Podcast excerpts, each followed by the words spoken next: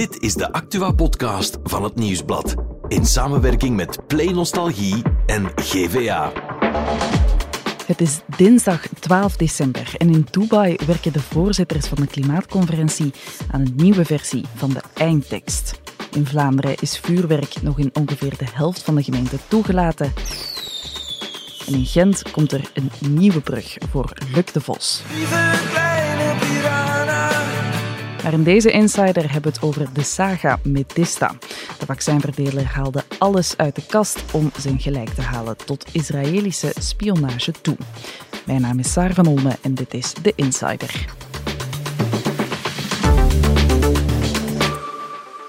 De coronacrisis. In mijn hoofd lang vervlogen tijden, maar dat geldt niet voor het bedrijf Medista. Dat is een vaccinverdeler en die eist meer dan 5 miljoen euro van de regering. Wat er allemaal van aan is, dat bespreken we met Steven de Bok, journalist bij Nieuwsblad. Dag Saar. Dag Steven. Ja, mag ik eerlijk zijn, Steven? Dat mag zeker. Ik Graag. vind het allemaal heel ingewikkeld. Mag je dat zeggen? Dat mag. Het is ook heel ingewikkeld. Ja, zeker en vast. Ehm, ja, vaccins, spionnen, miljoenen euro's. Wat is hier allemaal aan de hand? Laten we misschien beginnen bij het begin. Hè. Eh, Medista, eh, een vaccinverdeler, en die eist heel veel geld van de regering. Waarom? Dat klopt. Nu, Medista is, is een relatief jonge speler in, eh, in de farmasector. Ze zijn gespecialiseerd in het beheer en distributie van, van geneesmiddelen. Ze hebben een soort van IT-systeem gemaakt waarmee dat ze heel goed geneesmiddelen kunnen opvolgen. Oké.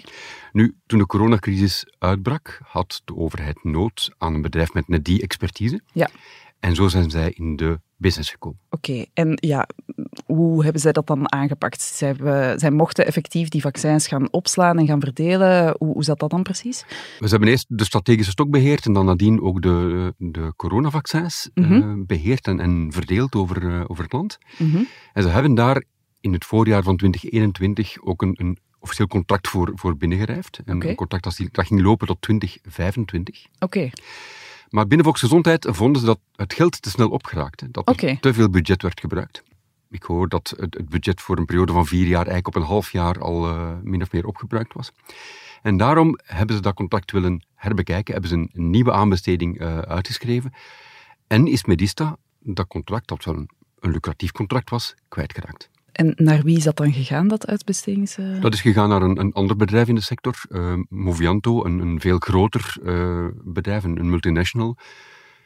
Ja, een heel ander soort bedrijf dan, dan Medista. Mm, en dat dus goedkoper bleek dan Medista. Dat uit de aanbestedingen voorkwam als veel goedkoper, ja. Ja.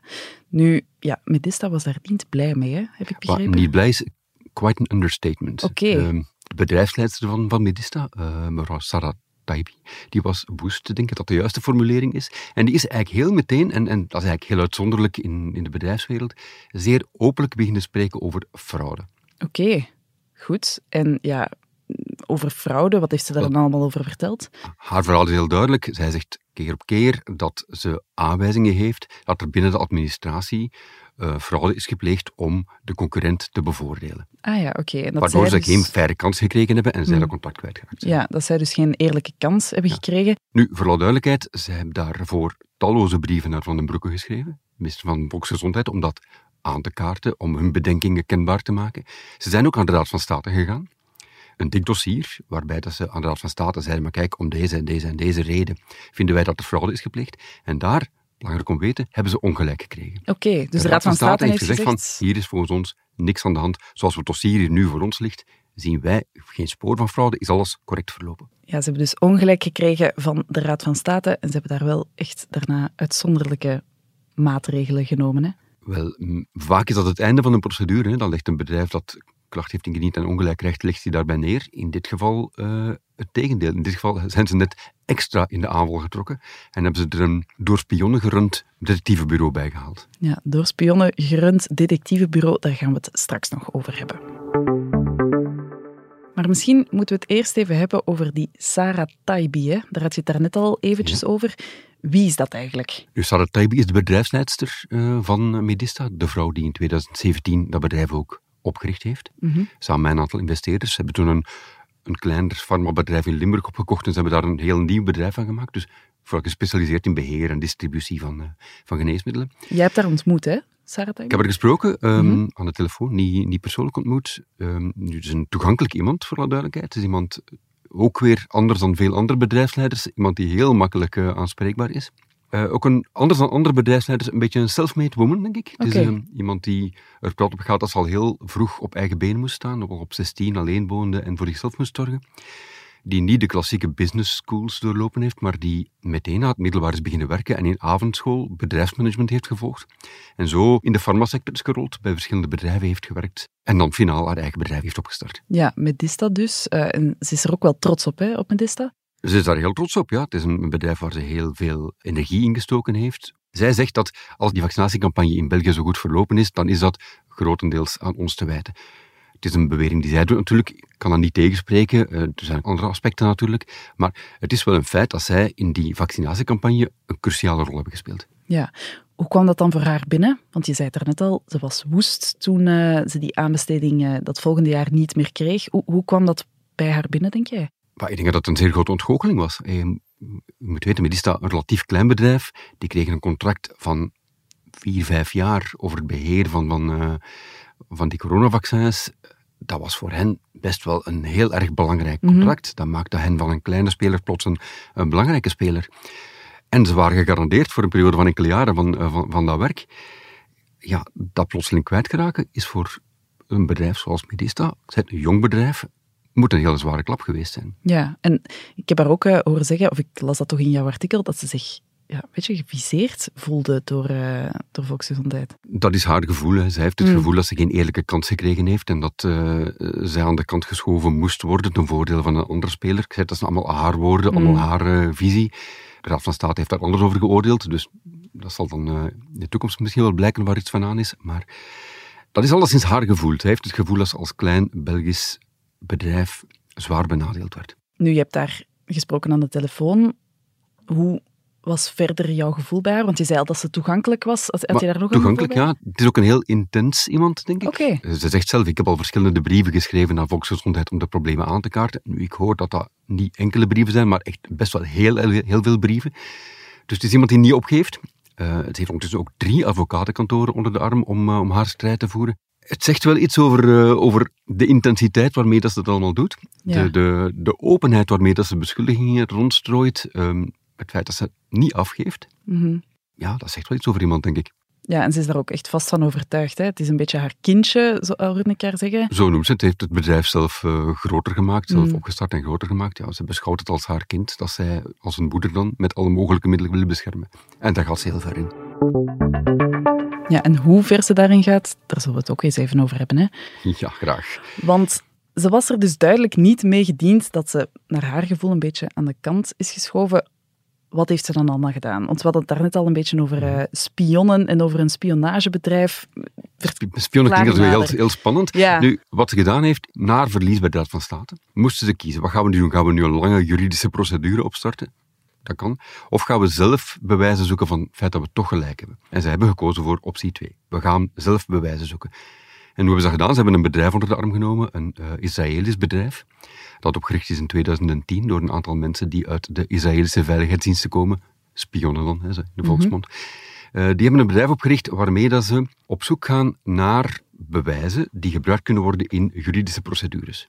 Bewijzen van mogelijke fraude, bewijzen van fouten door ambtenaren, dat soort dingen. Mhm. En dat bedrijf, een Israëlisch bedrijf, heeft een val opgezet om de mensen die hier fouten zouden hebben gemaakt, Ja, in de val te lokken. die val die gaat een beetje onder de naam van Scott Baker, als ik het goed begrepen Scott heb. Baker. Scott Baker en zijn fictieve bedrijf. Kan je daar eens iets over vertellen? Wie is die zogezegde Scott Baker? Scott Baker is iemand die niet bestaat. nou ja, Dat kan ik erover zeggen. Dat Mhm. is al, daarmee is ook vrijwel alles gezegd over Scott Ja, ja. Baker. Dus Scott Baker is een verzinsel. Hè. Dus dat bedrijf, ehm, Black Cube, de, het Israëlische bedrijf, die hebben een fake firma opgezet. Mhm. Ze hebben daar een bedrijfsleider verzonnen, Scott Baker. Ze hebben andere werknemers verzonnen. Ze hebben daar LinkedIn-pagina's van gemaakt, zodat het allemaal een beetje een legitiem bedrijf leek. Een bedrijf gevestigd in Singapore, maar dat zich op de Europese markt wou komen begeven. oké. En om de markt te kennen, dan waren ze op zoek naar een aantal mensen die hier in Europa heel goed weten hoe Die goed geïntegreerd zijn in de en Ja. zeilen goed kennen. En ze wilden die mensen inlijven. Dat was het verhaal. Oké. Dus ze hebben sollicitatiegesprekken georganiseerd, waarbij dat ze de ambtenaar die geviseerd wordt door Medista Toevallig, en de ja. concurrent van Medista Mhm. hebben voorgehouden dat er een mooie job voor hen eh, in het verschiet lag. En gevraagd of ze niet geïnteresseerd waren. Eerst een, een, een gesprek via digitaal. hè. En nadien ook lijfelijk afgesproken. Maar dat was geen sollicitatiegesprek. Het waren gewoon die privédetectives die maar één doel voor ogen hadden, zijnde proberen die ambtenaar en die bedrijfsleider Informatie te informatie ontlokken. Ja. Ja. Hoe hebben ze dat dan gedaan? Hebben ze dat dan gefilmd? Hebben ze dat opgenomen? Wat moet ik me daarbij voorstellen? Het gesprek met, met die ambtenaar speelde zich af in een, een relatief chic eh, restaurant in eh, Amsterdam, dat voor de gelegenheid helemaal was afgehuurd, dus dat was verder niemand anders. Ik vermoed Het gaat om- heel ver, hè, Steven? Absoluut, ja. Dus ik vermoed om niet te veel achtergrondgeluid te hebben of zo, denk ik. Nu, ze hebben dus dat gesprek daar gevoerd en dat gesprek is helemaal opgenomen. En vervolgens, dat filmpje is dan niet naar het gerecht gebracht, wat je zou kunnen denken dat ze zouden doen. Maar ze hebben dat filmpje laten lekken en ze hebben op basis van die uitspraken ook een soort van dreigende brief naar die ambtenaar zelf gestuurd. Met de vraag van, kijk, dit hebben we, dit weten we van u, zou je nu niet zelf ontslag nemen? Oké. En wat is er dan te weten gekomen? Wel, alweer de versie van Medista, want in dit dossier lopen de versies altijd uit elkaar. Gelijk wie je vraagt, krijg je een ander verhaal. Eh, de versie van Medista is dat uit dat gesprek wel degelijk bewijs gekomen is dat de ambtenaar de concurrent van Medista heeft geholpen bij het binnenhalen van dat contract. Aan de andere kant, de kant van de broeken, daar wordt dat op zijn minst zwaar, zwaar in twijfel getrokken. En daar zeggen ze van, kijk, wat wij horen over dat contract en over die hulp, daar is niks verkeerd gebeurd. Het is niet ongebruikelijk in de voorfase van een aanbesteding dat er contacten zijn tussen ambtenaren en bedrijven. En dat bedrijven die vragen hebben geholpen worden. Waarom? Vanuit het idee, als er meer bedrijven meedoen, is er meer concurrentie, hebben we meer kans op een goede prijs bij onze aanbesteding.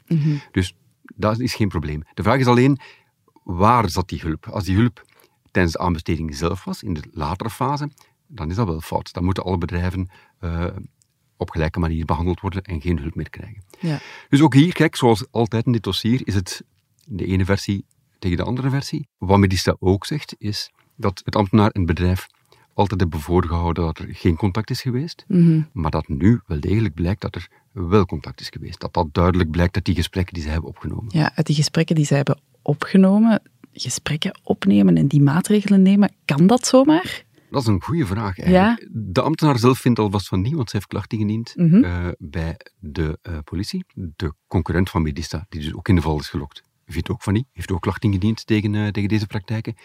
Minister Van den Broeke is ontzet over deze praktijken. Ik snap ook wel dat hij dat absoluut niet ehm, pikt, dat zijn ambtenaren op zo'n manier worden, worden bejegend. Nu, aan de andere kant, de kant van Medista, daar zeggen ze, kijk, we hebben er altijd over gewaakt dat we de wetten hebben gerespecteerd. We hebben niks gedaan dat onwettelijk is. Oké. Dus ook daar, dat is geen improvisatie van, eh, van Medista. Dat is een bedrijf dat daarin gespecialiseerd is, dat wel vaker dat soort eh, stunts heeft uitgehaald. En het is ook allemaal begeleid door de advocatenkantoren van, eh, ja, van Medista. Dus die zijn ook op de hoogte van wat daar gebeurd is. Hmm, En zij zeggen, alles is wat ons betreft wettelijk verlopen. Oké. Of het ethisch is, Van de Broeke vindt alleszins van niet, maar wettelijk en ethisch is niet altijd hetzelfde. Ja, minister Van den Broek heeft trouwens ook een, een audit eh, gevraagd, heb ik begrepen. Ja, hoe zie jij dit lopen? Dat zal eh, de toekomst moeten uitwijzen. Alleszins, hij is onder druk van die beelden die nu eh, verspreid zijn. Ja, had hij geen andere mogelijkheid niet meer dan een audit bestellen om te- na te gaan wat daar nu eigenlijk juist gebeurd is. Of er effectief dingen gebeurd zijn die, die niet helemaal kosher zijn. Nu, ik versta wel, hij, heeft- hij neemt, maakt heel veel voorbehoud tegen dat filmpje. En dat begrijp ik ook wel. Het is geen lang gesprek dat je helemaal kan volgen. Het is een, een verknipt filmpje. En met verknipte filmpjes moet je altijd heel voorzichtig zijn, want je weet niet wat er voor en wat er na gezegd is. Klopt. De toekomst gaat uitwijzen. Het laatste woord is er duidelijk nog niet over gezegd. Absoluut niet. Dankjewel, Steven, om dat hier even te komen toelichten. Graag gedaan. En voor het andere nieuws is Nathalie erbij komen zitten. Dag Nathalie. Dag Saar. In Dubai. Daar zijn ze op dit moment, op het moment van opname, nog volop bezig met de klimaatconferentie. hè. Hoe verstaan ze daar? En wel, de voorzitters werken aan een nieuwe versie van de eindtekst. Dat is een soort akkoord tussen de deelnemers. De eerste versie die werd afgekeurd was niet ambitieus genoeg, omdat er niets in stond over de uitfasering van fossiele brandstoffen, dus om het volledig weg te halen. Fossiele brandstoffen, dat gaat dan over olie, gas en steenkool, Ja. dat soort dingen? Klopt, veel eh, klimaatactivisten willen die weg. Europa vond het bijvoorbeeld ook niet ambitieus genoeg, vandaar dat er nu opnieuw overlegd wordt. Ja. En ze zullen er sneller zijn dan gedacht. De feestdagen. Ja, echt hè. Ja, nieuwjaar, dan denken we heel vaak aan vuurwerk. Mhm. En je hebt er nieuws over, Nathalie. Klopt, in Vlaanderen is vuurwerk op nieuwjaar al in meer dan de helft van de gemeente verboden. Waar het wel mag, moet je vaak toestemming vragen daarvoor. Dat blijkt uit onderzoek van Ascare, dat is het nazorgcentrum voor mensen met brandwonden. Ja, een nazorgcentrum voor mensen met brandwonden. Ik kan me voorstellen dat die eigenlijk graag een volledig verbod zouden willen. En daar hebben ze dan uiteraard ook hun goede redenen voor. Hè. Je hoort hier Peter van Rossum van Ascare met de zeer voor de hand liggende reden waarom ze zo'n verbod willen. Ja, jaarlijks zien we eigenlijk de, tijdens de overgang van oud naar nieuw eh, heel wat ongevallen met vuurwerk. Hè. We hebben afgelopen nieuwjaar waren er 150 slachtoffers geregistreerd in de ziekenhuizen. Maar dat aantal ligt eigenlijk nog veel hoger. Sommige mensen hebben maar kleine wonden en dat wordt niet geregistreerd eigenlijk. Een verbod op vuurwerk in Brussel, dat komt er al vanaf vrijdag tot 3 januari. Je mag geen vuurwerk bezitten, vervoeren of gebruiken in het Brusselse gewest, want vorig jaar waren er veel te veel incidenten.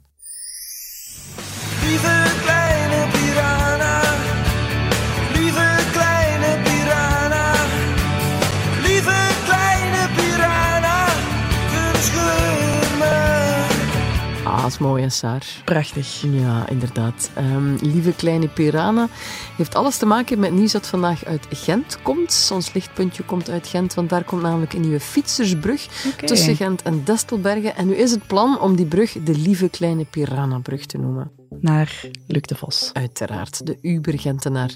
Hij overleed negen jaar geleden, maar leeft volop verder in de stad. Zo is er al een lieve kleine Piranaplein in de buurt van Sint-Jacobs. Bij elke match van AA Gent wordt Mia volop meegezongen in de 52e minuut, de leeftijd waarop hij stierf. In de Gentbrugse Meersen is er de Voshoek en nu zou er dus ook een brug komen naar Amai. hem vernoemd. Ze blijven hem herinneren daar. Mooi, hè? Supermooi. Dankjewel, Nathalie, om dat hier even te komen uitleggen. En morgen zijn we opnieuw met een nieuwe Insider. Dit